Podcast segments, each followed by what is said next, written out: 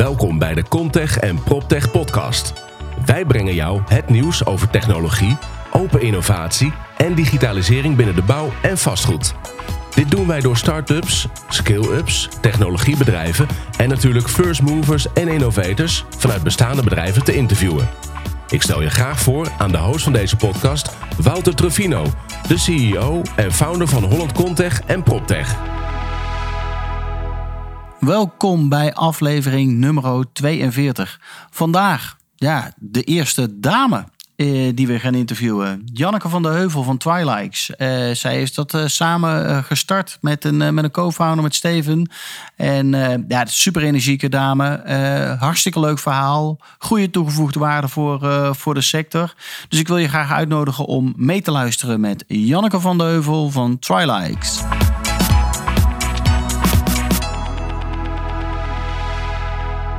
Vandaag zitten we met eh, onze overbuurvrouw, Janneke van der Heuvel. eh, onze overbuurvrouw op de Johan Huizingalaan.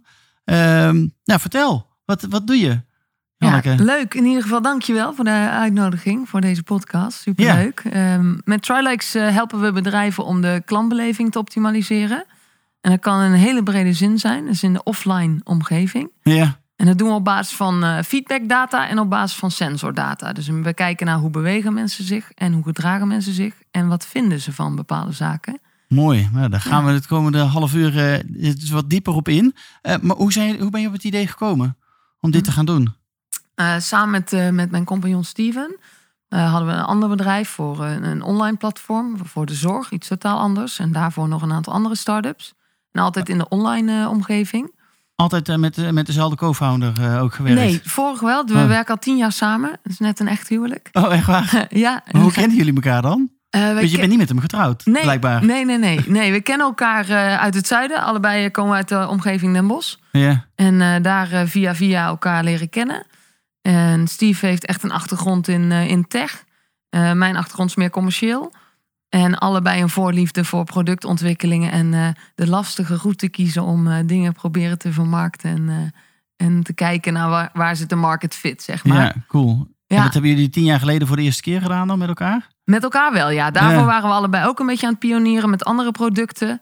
Ehm, ja, Steve dus meer met een tech-achtergrond in hard- en softwareontwikkeling. En ik meer op allerlei andere vlakken. Ja. Ehm, en tien jaar geleden inderdaad begonnen met een, met een platform voor de zorg. En vanuit daar ja, allerlei hurdles en allerlei avonturen meegemaakt. En nu vier, bijna vijf jaar geleden alweer met Trilikes Oké. gestart. Welke lessen heb je meegenomen uit je vorige zeg maar, eh, ondernemerschapscarrière? Oef, ja, heel veel. Maar ehm, een hele belangrijke was toch wel dat we hebben geleerd om echt omzet vanaf minuut één te maken. Dus niet te wachten. Hè. Nu is dat allemaal het hele agile en het is allemaal wat, wat meer bekend. Maar toen was het toch ook wel veel dat je probeerde een heel groot product te bouwen of een hele mooie dienst te bouwen en een soort freemium model aan, aan vast te plakken. Ja, Nou, dat om werkt maar klanten te werven. eh. ja, Ja. om maar een beest te bouwen en dan later te gaan kijken hoe je daar een verdienmodel aan kunt koppelen. Ja. Nou, het werkt maar een hele. Dat is heel zeldzaam dat dat goed werkt. En daar zijn een paar mooie succesverhalen over. Maar eh, er zijn denk Ja. ik veel meer verhalen waarbij dat mislukt. Ja. Exact, ja. Ja. Dus meteen omzet, eh, meteen waarde toevoegen en eh, snel naar de markt. Veel falen, snel weer opstaan en door. Dat is wel, eh, dat is wel wat we hebben geleerd in, met vallen en opstaan. Mooi. Ja, hoe zijn jullie gestart? Want je ziet natuurlijk heel veel van dat soort knoppen zeg maar, op de wc's hangen of op andere plekken waar er feedback gemeten wordt. Ehm, ja, hoe, hoe zijn jullie daarmee begonnen?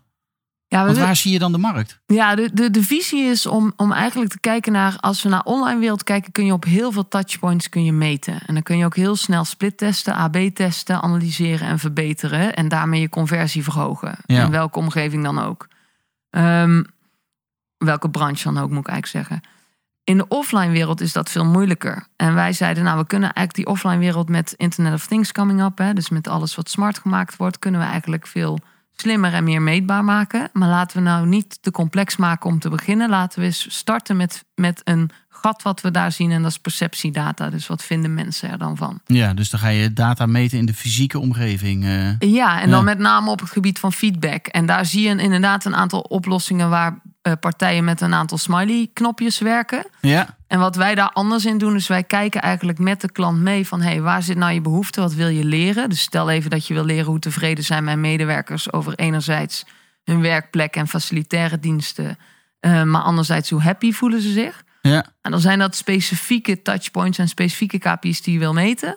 En dat doen wij dan enerzijds op basis van emojis die ook echt bij die KPI horen. Dus op toiletten meten wij bijvoorbeeld met schoon toilet, vies toilet, zeep is op, toiletpapier is op en het ruikt niet lekker. In Ja. plaats van een smiley, want dat zegt me niet zoveel over een toilet, zeg maar. Ja. Ehm, en anderzijds met sensoren die dan bijvoorbeeld meten, maar hoeveel mensen komen er überhaupt op die toilet en hoe kunnen we dan de schoonmaak optimaliseren? ja, dus je maakt een combinatie van allerlei eh, Ja. eh, tools eigenlijk. Ja, klopt. Ja. Ja. Interessant. Ehm, maar het bouwen van hardware, dat is natuurlijk ontzettend duur. Ja, Althans, dat denk ik Dat dan. is een uitdaging, Dus, ja. want jullie hebben echt je eigen hardware gebouwd. Het ziet er ook fantastisch uit, jullie knoppen. thanks. Eh, maar dat is heel wat anders dan een tabletje ergens neerzetten. Ja, dat klopt. Ehm, de reden waarom wij geen off-the-shelf hardware eh, kopen, hè, dus of een tablet of andere materialen die er in de markt zijn, is omdat we echt nadenken over de hele experience ook weer voor onze klanten. Dus waar we naar kijken is hoe haal je nou het meeste stemmen op? Dus hoe, hoe zorg je ervoor dat je, dat je N, hè, je conversie van stemmers, het hoogste is? Als je een tablet neer, gaat- neer gaat zetten met een aantal vragen, nou ja, dan voel je het misschien al aankomen aan een aantal Ja, dat vragen duurt al wat beantwoorden. te, lang, wa- waarschijnlijk. Exact, Ja. daar heeft niemand zin in. Nee. Dus op het moment dat er een scherm staat, denken mensen, ja, oké, eh, fijn, maar dan moet ik vraag 2 en 3 en dan moet ik mijn e-mailadres invullen. Ja, en dan weet je wel. Voornaam, achternaam en dan heb ik nog niet eens... eh, Exact. Ja, ja, En what's in it for me, Ja, waarom? Ja. Dus, dus de, het verschil tussen de conversie, eh, zeg maar met een eh, single purpose device, hè, dus iets wat eruit ziet, wat het ook doet en niet meer dan dat. En in ons geval zijn dat bijvoorbeeld feedback eh, emojis. ja, Dus fysieke knoppen met een, voor, voor de mensen die luisteren, is gewoon een fysieke knop. Echt gewoon een knop waar je alleen maar hoeft te drukken. Exact. Ja. En, er- en er zijn En dan een plaatje op bijvoorbeeld. staat eh, van een vies toilet. Dus er staat niet een hele zin van dit is een vies toilet. eh, Maar gewoon echt een, eh, een plaatje wat meteen duidelijk is wat het is. Ja, het mooie is natuurlijk, dat is de meest universele taal ter wereld, emoji. Die is ook vrij om te Ja. gebruiken. Hè? Dus dat, dat is wel cool. Dus je kan ook denken aan airports en zo, waar er allerlei nationaliteiten komen, maar iedereen begrijpt Ja. gewoon of vies. Ja, precies. Ja. Ehm, maar de conversie is, het verschil is gigantisch. Dus met een tablet hebben we getest voordat we begonnen, omdat hardware bouwen vinden we heel cool. Maar zoals je zegt, is best wel complex Ja, en duur. En, ja. Ehm, dus toen zijn we gaan testen en toen zagen we ongeveer, ehm, ja, zeg even, op een locatie in retail hadden wij 3000 foto's in een week op, een, op ons device, op ons eigen device. Die hebben we vervangen voor een tablet. Die hadden we gefreezed met wel maar één vraag en ook gewoon alsof het ook knoppen waren. ja. Toen hadden we nog ongeveer 20 mensen. Nee joh, Ja, dus het verschil was... vergeleken met 3000. Exact. Ongelooflijk. Ja, het verschil was echt gigantisch. Toen zeiden we, oké, dat gaan we dus... eh, En dus dat was jullie eerste testcase als bewijsstuk van... hey, we moeten zelf die knoppen gaan, eh, gaan bouwen. Ja, ja, Ja. precies. Wat- hoeveel knoppen, knoppen hebben jullie nu? Want ik zie er natuurlijk een aantal aan de overkant ook gewoon hangen. Ja, Daadwerkelijk fysiek? Ja, ja, ja. Eh, ja duizenden. Eh, Oh, echt waar? Ja, Maakt niet uit welke emoji je erop pla- plakt. ah, op die manier.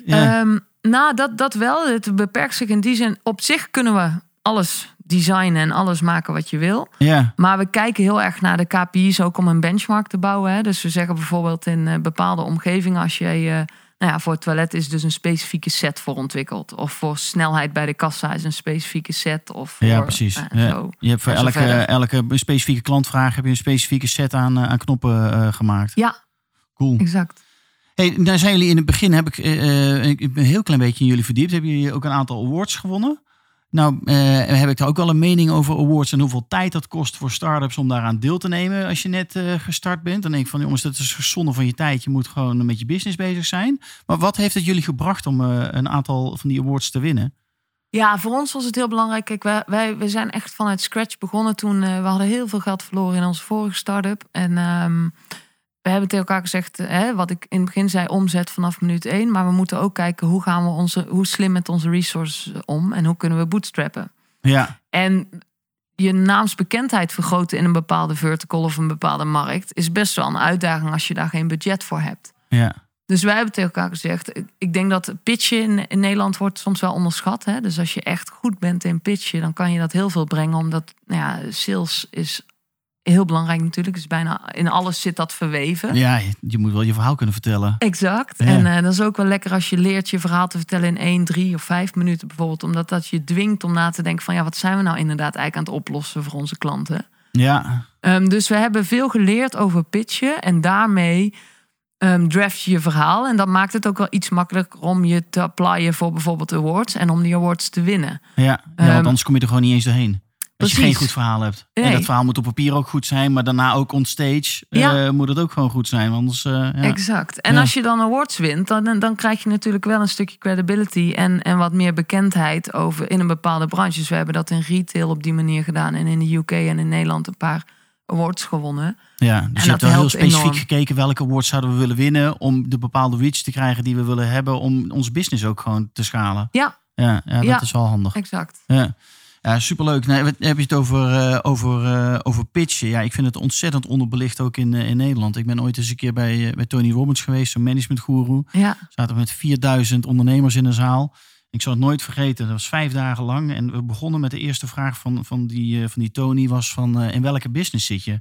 En schrijf dat dus op. Iedereen hard schrijven, schrijven, schrijven, schrijven. En toen kwam de tweede vraag. In welke business zit je nou echt?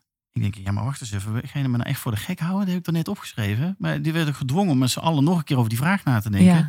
En de derde keer was de vraag. In welke business zit je nou echt? Ja, ja, ja. je wordt helemaal knettergek. Maar je wordt zo gedreven en nagedacht eh, om, om echt heel kort te kunnen beschrijven. Wat doe je nou echt? En waar wordt iemand anders dan gelukkig van? Welke waarde ben je dan aan het leveren?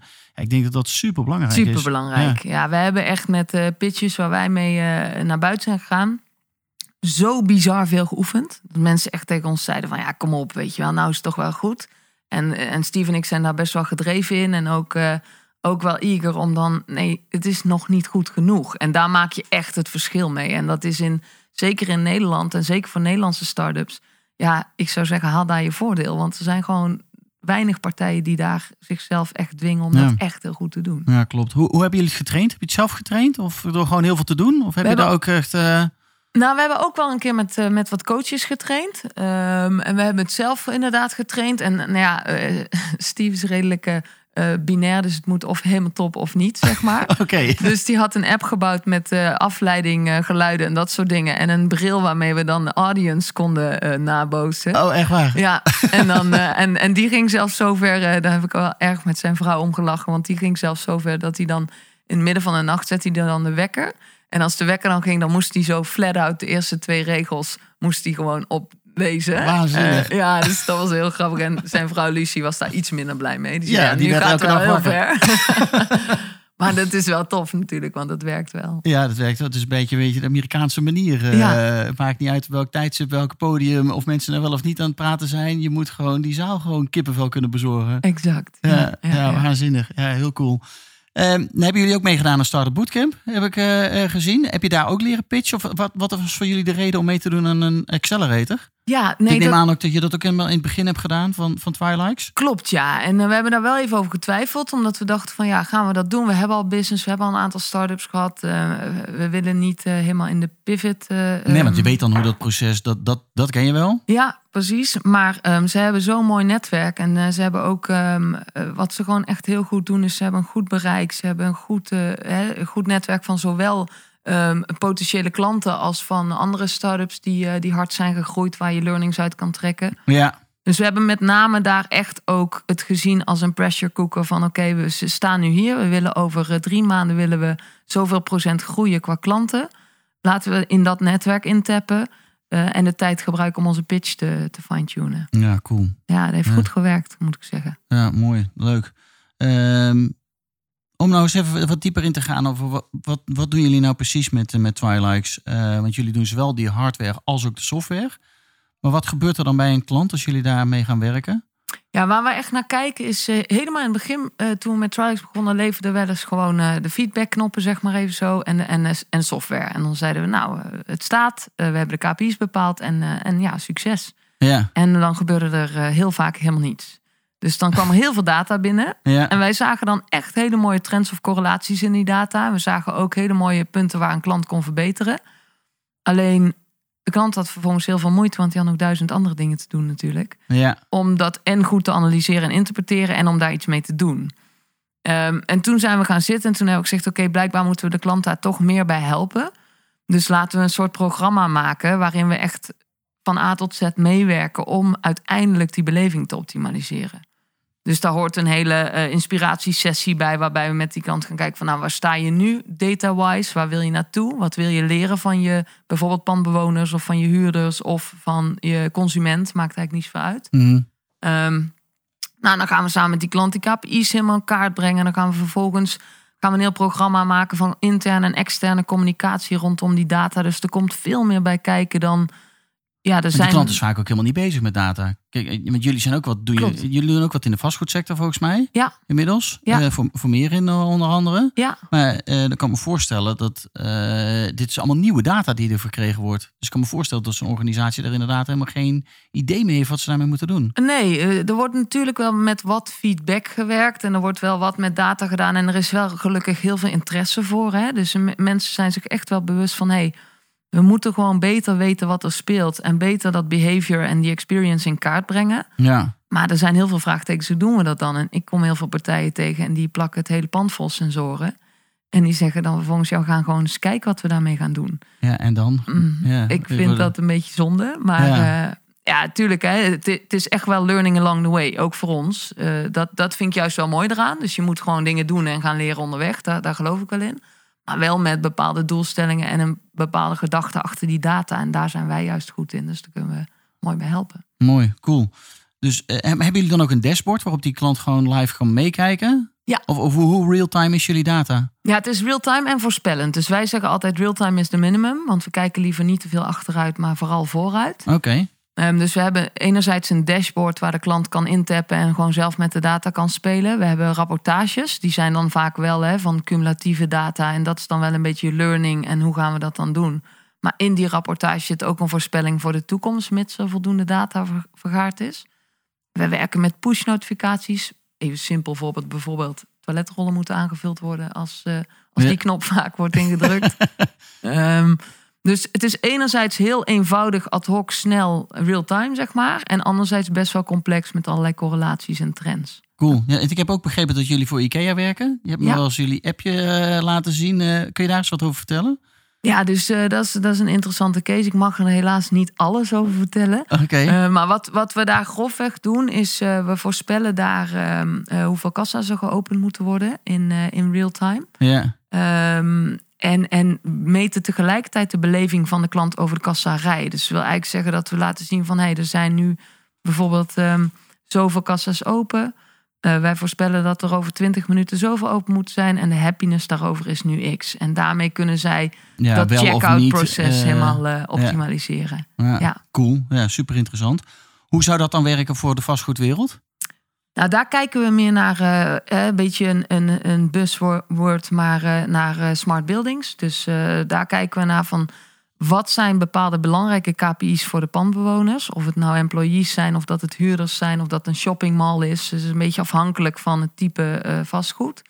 Ehm, en dan zeggen we, oké, rondom die KPI's kunnen we dus een aantal dingen meten. Enerzijds behavior, bijvoorbeeld beweging door zo'n ruimte heen. Ja. En anderzijds perceptie. En waarbij wij wel echt een andere speler zijn dan dat wij... Wij maken geen hele specifieke blueprints. Want wij denken dat je met grove eh, behavioral data ook al heel veel kunt. Dus we hoeven niet per se te weten hoeveel kinderen, vrouwen, mannen... hoe lang ze precies voor een schap stonden, hoeveel minuten. Dat kan allemaal wel. Ja. Kunnen wij ook wel met bepaalde type eh, sensoren en camera's. Alleen je ziet gewoon dat met grove data je vaak al heel veel kunt brengen voor een ja, toch wel vriendelijker prijskaartje. Leuk. Ja, en wat breng je dan? Wat voor inzichten krijgt zo'n klant dan? Ja, inzicht in eh, flows wel. Dus hè, hoe Oké, druk wel, is hoe het, druk waar het, waar waar- wanneer Ja. voorspellen we eigenlijk drukte, wat doet weer daar bijvoorbeeld, wat voor invloed heeft het weer daarop, Ehm, wat is dan de happiness, wanneer zien we Hmm. dat er een raar gat is in, eh, in een bepaalde hoek en wat kunnen we daar dan van leren. Dus, En zo kun je waarde toevoegen aan die winkel, eh, een winkelier of een tenant. Of het maakt niet uit wat, eh, wat er dan in zit in het vastgoed. ja, precies. Eh, en gaat het dus veel minder over de waarde van de stenen. Maar wat gebeurt er nou binnen die stenen? Ja, wat gebeurt er in dat pand? En Ja. zijn mensen daar happy en hoe gedragen ze zich? En, en je ziet gewoon dat de combinatie van data en ogen op de vloer, die maakt het verschil. En als je gaat partijen die denken dat ze 100% op data kunnen gaan leunen, die ze helemaal gaat voorspellen in, weet je, met alle AI enzovoorts. Ik denk dat dat echt nog een beetje te veel toekomstmuziek is. En wij willen graag oplossingen maken voor die vandaag goed werken. Ja. Eh, hoe ziet eh, jullie businessmodel er dan uit? Als iemand met jullie gaat werken? Ja, alles is abonnementsvorm. Dus eh, bij ons werkt het zo dat je eigenlijk ofwel een abonnement per store ofwel per pand hebt. Ligt een beetje aan wat voor type ja, organisatie kijk je naar. Ja. Ehm, en dan gaat het om, eh, ehm, ja, ligt een beetje aan ook hoeveel touchpoints wil je meten. Wat, wat gaan we daar in kaart brengen? Hoe actief gaan we dat samen oppakken? Wat voor reporting hangt eraan vast enzovoorts. Maar om een beetje balpak figure te geven, moet je denken aan, zeg even 2000 euro of zo per eh, winkel. Als we het hebben over bijvoorbeeld eh, Shopping mall. 100 Ja. winkels of zo. Ja. En een hele grote shoppingmall of een heel groot pand. Moet je meer denken tussen ergens rond de 50k per, eh, per jaar. Ja, Zoiets. cool. Ja, mooi. En dan, daar zit ook zeg maar jullie introductie in en de hele... Ja. Alles, eh, alle begeleiding, ja, alle customer success manager, alles, eh, alles op en aan. Mooi. Ja. Hoe lang bestaan jullie nou? Vier jaar, ruim vier jaar. Ja, Vier jaar. Net een paar maanden zitten we tegenover elkaar. Eh, want jullie komen volgens mij uit B1. Ja, Hebben denk klopt. ik gezeten. Hoeveel, hoeveel mensen werken er bij jullie? Want jullie hadden blijkbaar wat meer kantoorruimte nodig. Ik denk dat je daarom even verhuisd. ja inderdaad. Dus eh, we groeiden uit ons, eh, uit ons oude kantoor. Dus nu eh, overgestoken inderdaad naar B3. En eh, we zijn met ongeveer 20 mensen. En niet iedereen zit hier. Dus we zitten hier met een mannetje of acht. Ja, En dan hebben we nog developers en die zitten ja, over heel de wereld, zeg maar. Dus in de UK, in Argentinië, in China, in, nou ja, op allerlei plekken. En iedere expertise zit ergens anders. En daar werken we dan mee. En soms komen ze ook hierheen natuurlijk om met elkaar eh, ja, te sparren over de next steps en dat soort dingen. cool. Maken jullie nou ook zelf jullie eigen hardware? De, de knoppen zeg maar. En, eh, Ja. ja, alle hardware maken we zelf. Dus eh, uiteindelijk natuurlijk de assemblage, om het zo maar te zeggen, en de productie daarvan. Dus als je er een paar duizend maakt, dan rollen die inmiddels gewoon in een professionele fabriek van de band. ja. Maar alle iteraties, alle nieuwe ontwikkelingen, die maken we zelf. En dat doen we in, eh, in Vught, in het zuiden. Dat doet, eh, dat doet mijn compagnon. Ja, dat, dat is de technische man. Ja, Precies. Eh, wat, zijn de, de next steps waar jullie nog mee bezig zijn? Want ik kan me voorstellen dat je natuurlijk ontzettend nog veel meer kan doen binnen die gebouwen.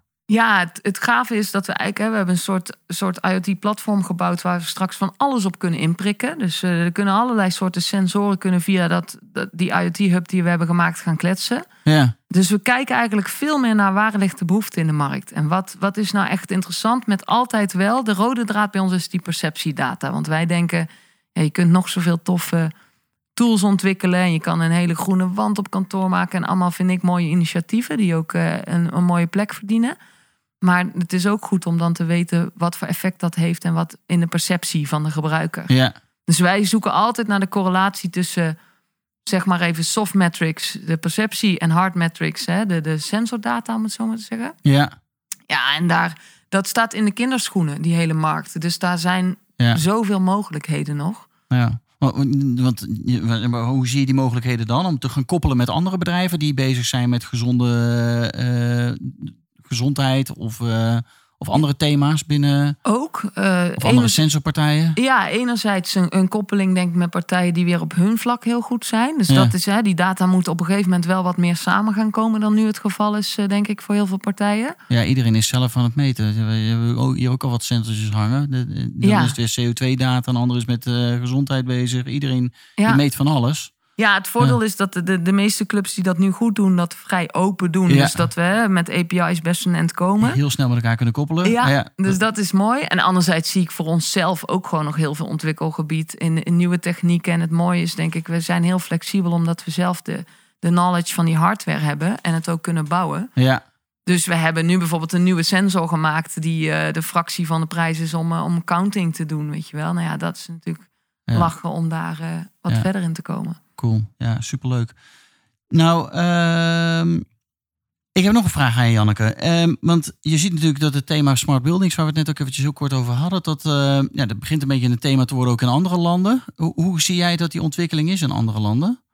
Of zijn, zijn jullie ook al actief in andere landen? Ja, we zijn actief in Duitsland en een klein beetje in de US. En Een klein beetje klinkt wat grappig, maar nog heel klein dus. Eh, en, en, en met- moet ik eerlijk zeggen, met name daar in retail en een stukje eh, facility management. Als in eh, een aantal panden voor toiletten en wat andere sensoring die we daar doen. Ehm, moet ik wel zeggen dat ik, ik vind ook wel, in Nederland zijn we ook wel echt heel actief en, en vooruitstrevend in waar dat Hè, waar we willen dat dat heen gaat. En veel betrokkenheid en veel partijen die echt met die innovatie bezig zijn. Ja. Dus en dan ik, merk je dat in, Duitsland dan? Zie je dat dan anders? Nee, ik zie, ik zie dat niet, nog niet heel anders. Uh, misschien ben ik ook nog niet lang genoeg actief op die markt. Dus daar uh, ben ik wel benieuwd naar de komende periode. Ga ik me dat, daar wat meer in verdiepen. Maar ik moet eerlijk zeggen dat ik zie dat, dat daar toch wel veel partijen op hetzelfde niveau zitten nog. En de welwillendheid is er zeker. De knowledge op sommige vlakken ook. En op sommige vlakken weet men gewoon nog niets goed. Wat moeten we hier nou precies mee en hoe gaan we dat dan in kaart brengen en wat gaan we daarmee doen? Ja. Um, kijk, in, in Duitsland natuurlijk nog meer dan hier gaat er ook wel uh, een stuk over anonieme data. Uh, daar, daar zijn wij zelf ook wel fan van. Hè? Dus je hoeft niet alles meteen van die persoon te weten. En dan kan je nog steeds heel veel waarde toevoegen. Nee, want jullie vragen eigenlijk alleen een druk op een knop natuurlijk. Ja, en we niet, meten uh... ook alle bewegingen, et cetera, heel anoniem. Ja. Uh, omdat ik denk dat die discussie niet onterecht gevoerd wordt. Ja. Um, dus, dus GDPR-proof, zeg maar, is gewoon in al die landen echt een ding. Ja. En in Amerika weer minder dan in Duitsland. Dus daar, daar zie je wel weer verschillen. Um, maar voor wat betreft hoe smart ik zeg maar even de buildings vind en wat daar dan mee gedaan wordt, heb ik nog niet heel veel cases gezien waarvan ik denk: wow, mind blowing. Al moet ik zeggen, in de US heb ik daar nog te weinig, uh, Ja. ben ik daar nog te weinig ingedoken. Wat zijn jullie, voor jullie dan de eerste markten waarin je wil vergroten? Is dat dan toch Duitsland en de UK of, of Amerika? Of zijn dat andere Nou, landen? We willen eerst even in deze achtertuin nog een beetje groeien. Dus Ja. zeker op het, eh, ja, zeker Ja. op het gebied van real estate facility management. Want in retail zijn we wel wat verder. Dus daar zijn we wel al wat meer de grens over aan het gaan. Ja. Maar ik moet wel zeggen dat ik wel enthousiast word altijd van het, eh, van het enthousiasme van de Amerikanen. Dat, dat vind ik wel mooi. Ja. Zij, zij hebben toch wel een vaak iets meer bold ehm, visie. Ja. En stappen daar gewoon in. En, en geven gewoon gas op een Geef paar panden. gas. En eh, ja, weet je wel. Dus dat, Ja. ja. dat is voor een start-up natuurlijk wel fijn. Want we hebben wel de resources nodig om ook meters te kunnen maken. Precies, ja, Ja. ideaal. Nou ja, ik ben benieuwd of je met ons meegaat naar eh, de New York Real Estate Tech Week. Daar gaan we een keertje Nice. naartoe in, eh, in november. Dat is hartstikke leuk. Eh daar gaan we ook met de Nederlandse ambassade en met al, al wel andere mensen gaan we daar een reisje naartoe organiseren. Maar ook in Duitsland doen we heel veel, Frankrijk. Dus Cool. ik ben benieuwd hoe we vanuit ons netwerk ook jullie de komende jaren kunnen gaan helpen. Heel leuk. Dus, Zie genoeg mogelijkheden. Ik ook, dus blijf ons vooral lastigvallen met al je, je mensen die aan de overkant van de gang zitten. Er zit het glas tussen, maar eh, de deuren kunnen open wat mij betreft. Zo is het. Leuk. Dankjewel. Dankjewel voor het interview, Janneke, en eh, tot snel. Thanks.